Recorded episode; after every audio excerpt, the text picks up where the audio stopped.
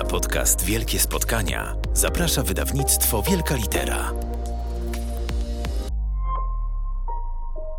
Gościem Wielkiego Spotkania w Wielkiej Literze jest Julian Sobiech, autor y, książki Jak dożyć setki.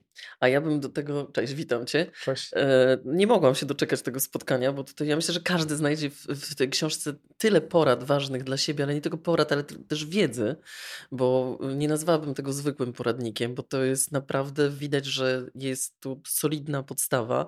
Ja przyznaję się, że opuściłam rozdział geny, bo w biologii zawsze byłam słaba i stwierdziłam, że to nie jest jeszcze ten czas, kiedy, żebym mogła to zrozumieć, ale tak do końca poznać, przepraszam, przyznaję się, ale, ale podejmę tej próby jeszcze raz może. I pomyślałam sobie, że fajnie by było, gdyby ta książka miała taki podtytuł Jak dożyć setki w lepszej kondycji, w, w jakiejś świetnej kondycji albo w, w super kondycji, bo, bo pewnie to, z czym się spotykasz najczęściej, to ludzie mówią, jak dożyć setki, ale po co? Tak? Tak, ostatnio bardzo często słyszę to pytanie przy okazji właśnie promocji książki. E, być może to wynika z tego, że e, wielu ludzi w naszym kraju boi się samotności, e, niedo, niedołężności, które często się wiążą z tym podeszłym wiekiem, powiedzmy powyżej 80 lat.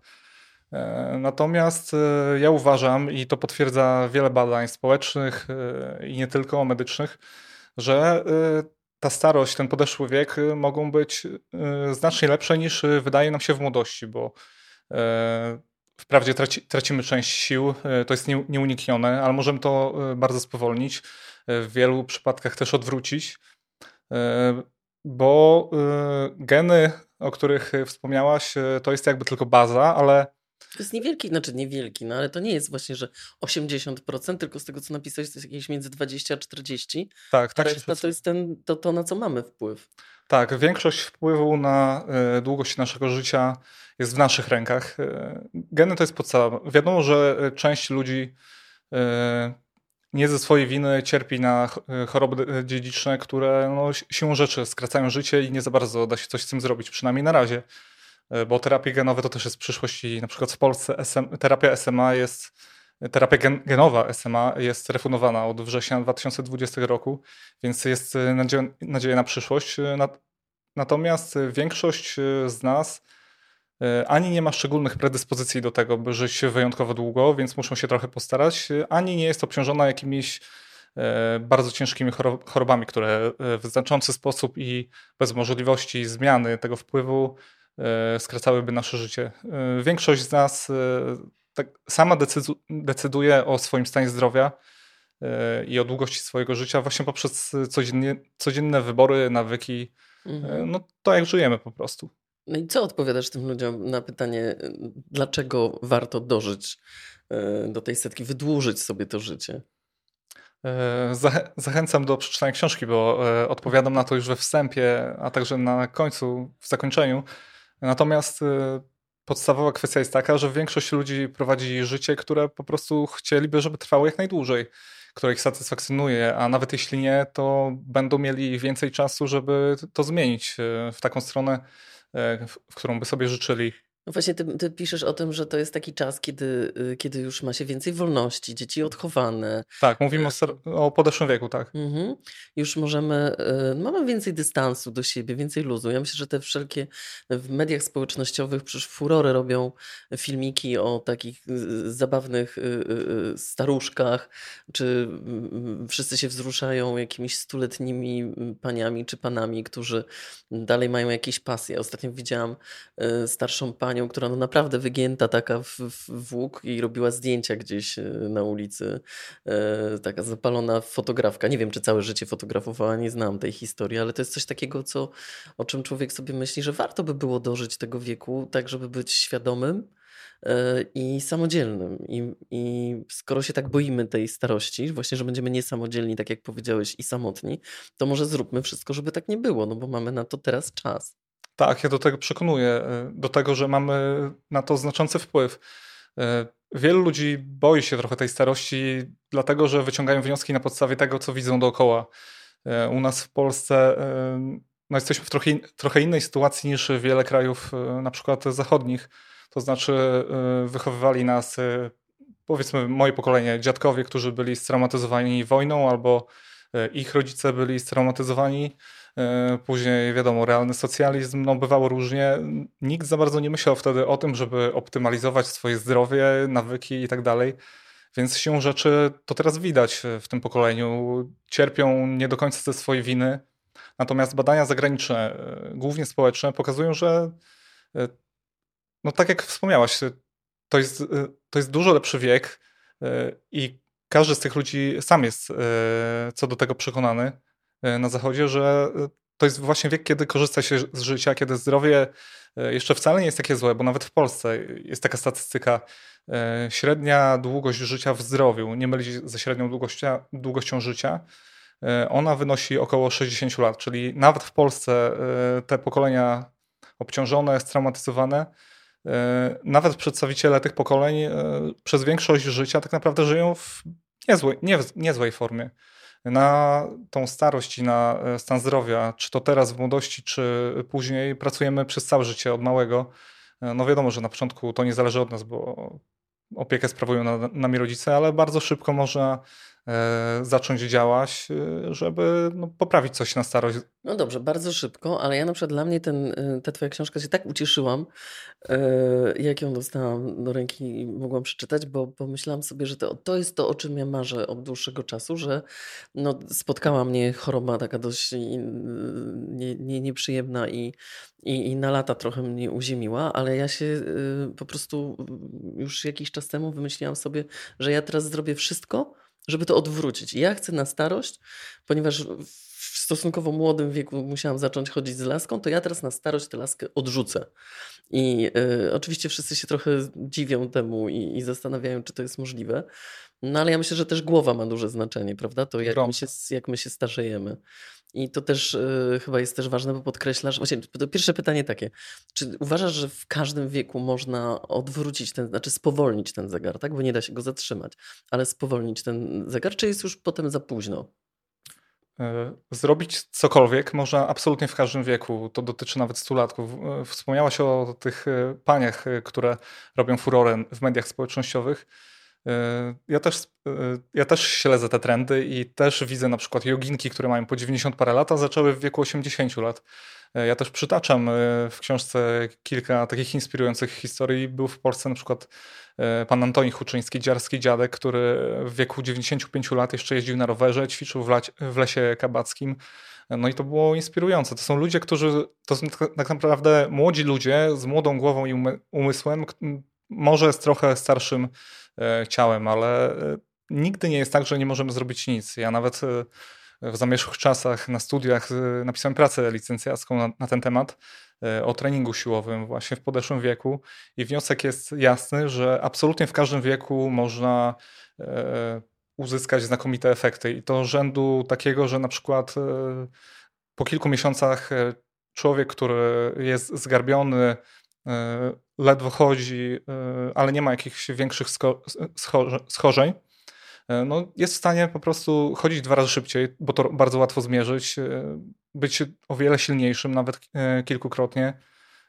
I to samo dotyczy odżywiania i innych aspektów, nie tylko treningu siłowego. To chyba często można zauważyć, kiedy się coś takiego przytrafia, jak na przykład, nie wiem, jest endoproteza e, czy, czy jakaś inna tego typu operacja i w wyniku tego, że trafiają pod e, profesjonalne ręce i zaczynają ci ludzie ćwiczyć, to wychodzą paradoksalnie sprawniejsi. Ja nie mówię, że ktoś miał złamaną, ale, bo to, to wiadomo, że po, po tym jak się naprawi to jest inaczej, ale że wychodzą o wiele sprawniejsi niż wcześniej. Mhm. I, I że to jest taki to może być taki moment, kiedy można jeszcze więcej zrobić, a nie często się starsi ludzie chronią, żeby, bo boją się, że coś się może na nowo wydarzyć. Mhm. A tu wręcz przeciwnie. Tak, endoproteza, endoproteza to jest e, właśnie bardzo dobry przykład, bo e, to jest operacja ciężka na dużym stawie, na biodrze, e, bo o tym myślę, są też inne mhm. endoprotezy, ale bardzo szybko stawia się takich ludzi na nogi, ponieważ E, dąży się do tego właśnie, żeby jak najszybciej odzyskać sprawność. Nawet tego samego dnia czasami e, są pionizowani. E, no i te ćwiczenia no, pokazują, bo trening siłowy i ćwiczenia rehabilitacyjne mają to do siebie, że są bardzo łatwo mierzalne, więc bardzo łatwo przekonać takiego pacjenta, że warto to robić, bo po prostu efekty widać się jak na dłoni. I to jest mhm. bardzo motywujące. Ale też wspomniałeś o, o takiej, że, że wpływ na, na, na tą naszą y, jakość życia i, i, i długość życia mają też yy, znajomi. To kim się e, otaczamy. Tak, tak. Co byś zalecał? E, zalecałbym, żeby dbać przede wszystkim o jakość relacji, a nie koniecznie o ich e, liczbę. Natomiast nie mam wątpliwości, że wspierające otoczenie, czy to ze strony rodziny, czy znajomych, przyjaciół, E, bardzo mocno przykłada się do, do tego, żeby być po prostu zdrowszym i, e, no i żyć dłużej i przede wszystkim lepiej, tu i teraz. Czyli co, instytuty trzeciego wieku jak najbardziej. Ale też może wychodzenie takich seniorów do, do młodszych, nie wiem, ze swoimi jakimiś e, umiejętnościami. Tak, u nas jeszcze to nie jest zbyt popularne, ale na zachodzie to jest normalne, że na przykład w klubach tańczą obok siebie 70-latkowie i 20-latkowie i to jest już zupełnie normalne. Podobnie e, w podróżach e, i w wielu innych aspektach życia. Dobrze, zostawmy tę psychologię, ale ja teraz mam takie pytanie. Kto ma większe szanse? Kobiety czy mężczyźni? E, Bo mówi się o tym, że mężczyźni żyją krócej jednak. Mężczyźni żyją krócej, natomiast w wielu krajach ta różnica nie jest tak znacząca jak u nas. W społeczeństwach długowiecznych ta różnica wynosi czasami 2-3 lata u nas jest to bodajże 7-8 lat. E, nie sprawdzałem jeszcze danych z tego roku. Natomiast e, różnica jest e, u nas znacząca. To wynika z wielu rzeczy i ja nie jestem też ekspertem od badań społecznych, ale czytałem sporo na ten temat siłą rzeczy i przygotowując się do książki i po prostu sam dla siebie.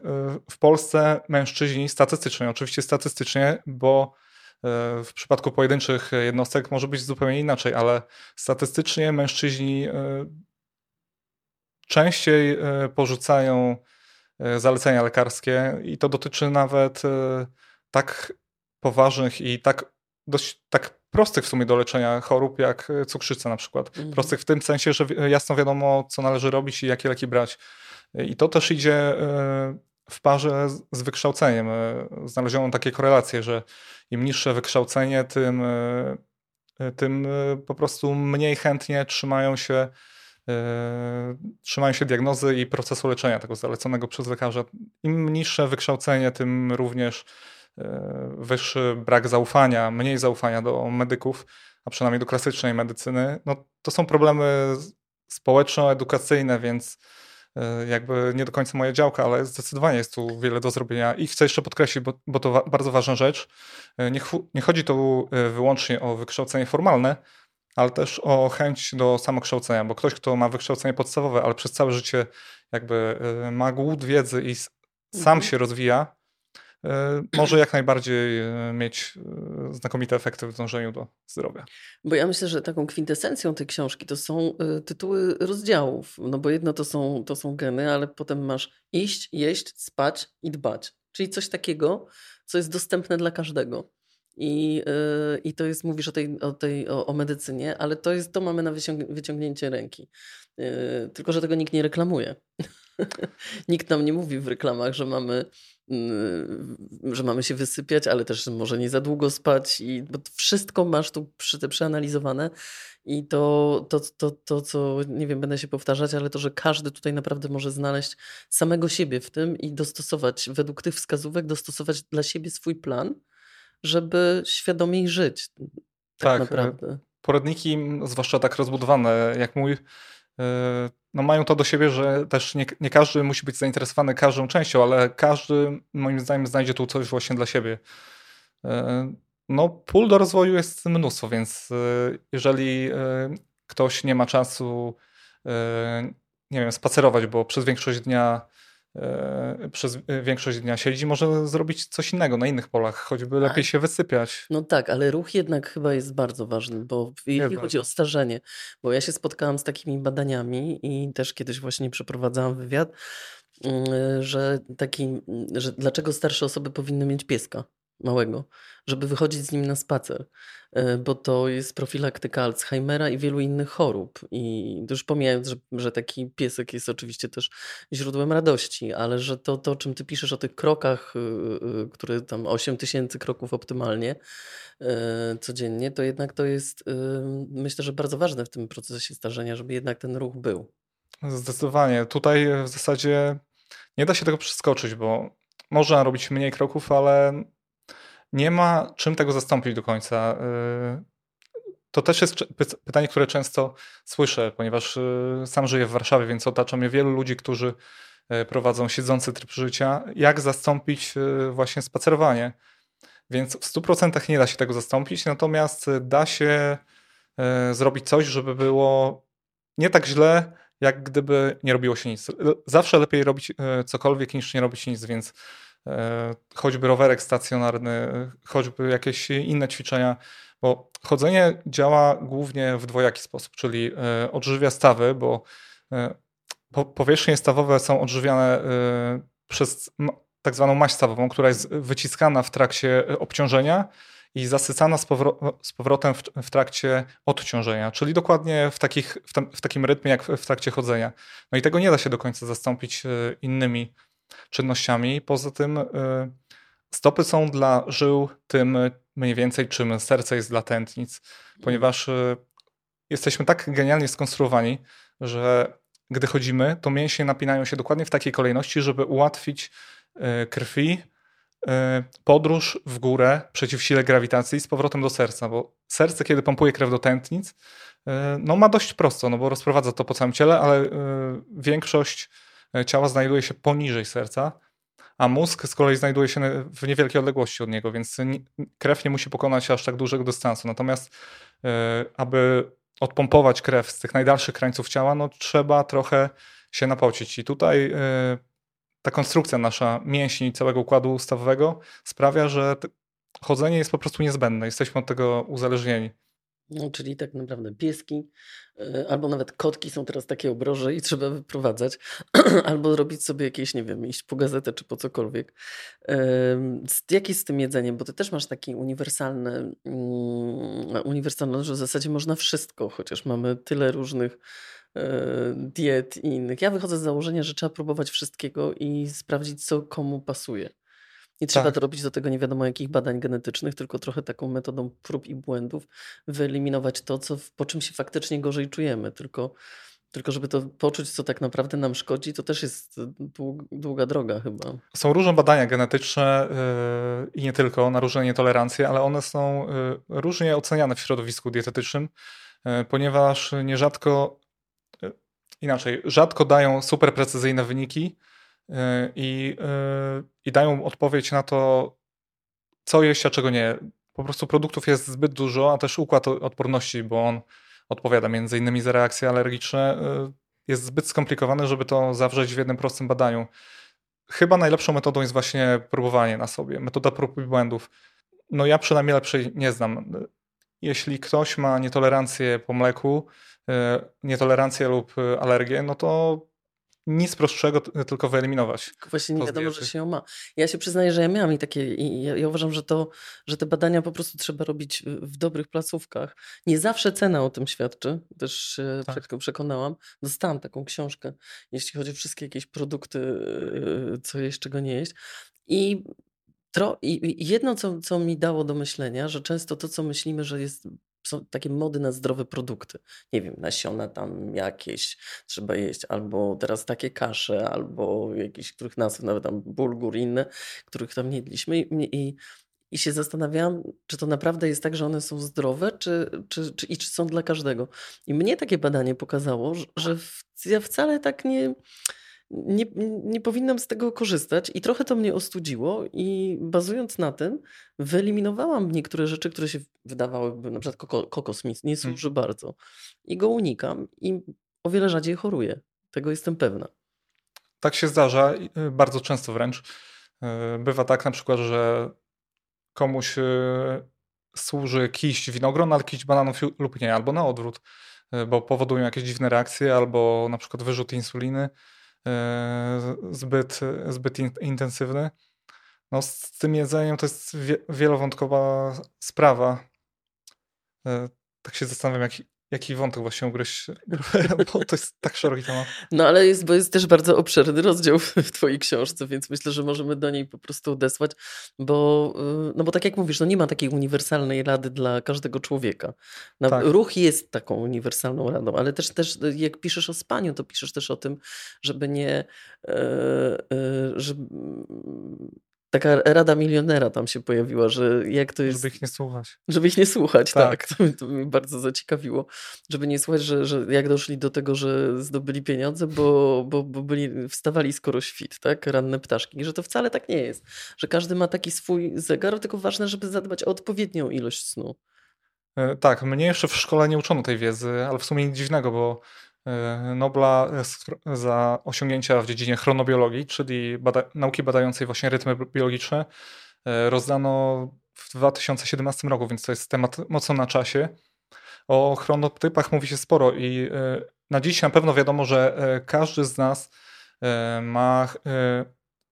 Ten chro- chronotyp jest kodowany w genach i jest z grubsza niezmienny. Można go trochę nagiąć, ale jeśli ktoś jest skowronkiem, to wstawanie inaczej, to e, jest, osiąga szczyt umysłowy i fizyczny e, bardzo krótko po wstaniu, a z kolei sowy, ja jestem na przykład sową, e, potrzebują trochę czasu, żeby się rozkręcić. Ja osiągam szczyt po kilku, nawet kilkunastu godzinach. Uwielbiam na przykład pracować popołudniami i wieczorami. Książkę pisałem w większości właśnie popołudniami. Chodzi o to, że pora, pora wstawania tak naprawdę nie ma znaczenia. Jest taki trend, żeby wstawać rano, bo wtedy to świadczy o tym, że jesteśmy pracowici i tak dalej, że możemy od rana łapać słońce. kłaść się o zmierzchu, ale- takie zdrowe. To jest te- temat rzeka, ja też go szerzej rozwijam e, w książce, więc odsyłam e, tam z przyjemnością. E, Natomiast e, pora wstawania nie ma kompletnie znaczenia, ponieważ aktywna część doby i tak trwa mniej więcej tyle samo dla, dla każdego z nas. Bo jeśli ktoś wstanie 3 godziny wcześniej, no to musi siłą rzeczy 3 godziny wcześniej się położyć, więc e, rachunek e, jest tu zerowy. E, Wychodzi wszystko podobnie. Fantastyczne są właśnie a propos snu wskazówki e, na temat tego, jak się podróżuje, co trzeba robić, jak się podróżuje na zachód, a co trzeba robić, jak się podróżuje na wschód. E, Jak te kolejne etapy przechodzić, jak, się, jak oszukać trochę ten nasz chronometr, tak? E, Tak, podróżując, podróżując powiedzmy po- Europie, tego się za bardzo nie odczuwa, bo mamy podobne strefy czasowe jak w Polsce, ale kiedy lecimy na inne kontynenty, e, w dalekie krańce świata i e, prze, przenosimy się powiedzmy o 10 stref czasowych, to organizm adaptuje się do tego przez wiele dni. E, Jesteśmy w stanie e, zmienić e, swój rytm powiedzmy o jedną, dwie strefy czasowe na dobę, ale nie więcej. E, No ja podaję właśnie wskazówki na ten temat, jak to zrobić. E, Generalnie łatwiej jest podróżować na zachód, ponieważ wtedy e, jakby cofamy się w czasie. E, Tam jest wcześniejsza godzina i wystarczy po prostu trochę dłużej posiedzieć, przemęczyć się. E, Przy podróżach na zachód jest. Bo dlatego na powroty są takie, ze Tak. Stanów są bolesne. tak. I to samo z podróżami na wschód. Są dużo trudniejsze do zaadaptowania się. I to, to samo widać e, w trakcie zmiany czasu w Polsce. Kiedy mamy godzinę dłużej, czyli tak jak w czasie podróży na zachód, no to jest super, możemy dłużej pospać, bardzo łatwo się do tego przystosować. Natomiast y, krótszy sen jest większym problemem, no i trudniej też wpaść w ten rytm. Jest sporo sposobów, jak się do tego przystosować, y, począwszy od kawy i innych pobudzaczy, po melatoninę stosowaną w odpowiednich porach, w odpowiednich porcjach. Y, No można sobie to ułatwić. Zresztą na co dzień też, bo to, to nie są sposoby, które pomagają tylko w podróży czy przy zmianie czasu, ale są uniwersalne i dla każdego. Powiedz, ty piszesz w wstępie książki o tym, że, że byłeś no, e, rodzynkiem, po prostu jedynym studentem, który był zainteresowany geriatrią. e, I tak dobrze zapamiętam? Na, na, Tak, na, było nas na studiach około setki. Na pierwszym wykładzie przysz, y, przyszła nas trójka, na dwóch kolejnych byłem sam, a kolejnych już się nie odbyły. No właśnie. A co cię tak zafascynowało w tym temacie? Trudno powiedzieć, bo zastanawiałem się nad tym. Pierwsza moja motywacja do tego, żeby w ogóle dbać o siebie i ćwiczyć, y, była no, dość e- egoistyczna, bo chciałem po prostu lepiej wyglądać, lepiej grać w piłkę, bo wtedy jeszcze in- intensywnie grałem. Czy być zdrowszym? Może niekoniecznie, to przyszło z czasem, ale ładnie mi się to spięło z fizjoterapią. I po prostu zacząłem się rozwijać w tym kierunku, głównie sam dla siebie. Natomiast ja sam nie jestem w stanie wdrożyć wszystkich rad y, z mojej, mojej własnej książki, bo ich jest po prostu za dużo i to jest książka do ogółu społeczeństwa, więc żeby lepiej zapamiętać te wszystkie porady, y, zacząłem się po prostu dzielić tą wiedzą, zwłaszcza, że ona nie należy do mnie. Ktoś to wcześniej odkrył, opisał i podzielił się ze światem, więc ja tym bardziej mam taki obowiązek.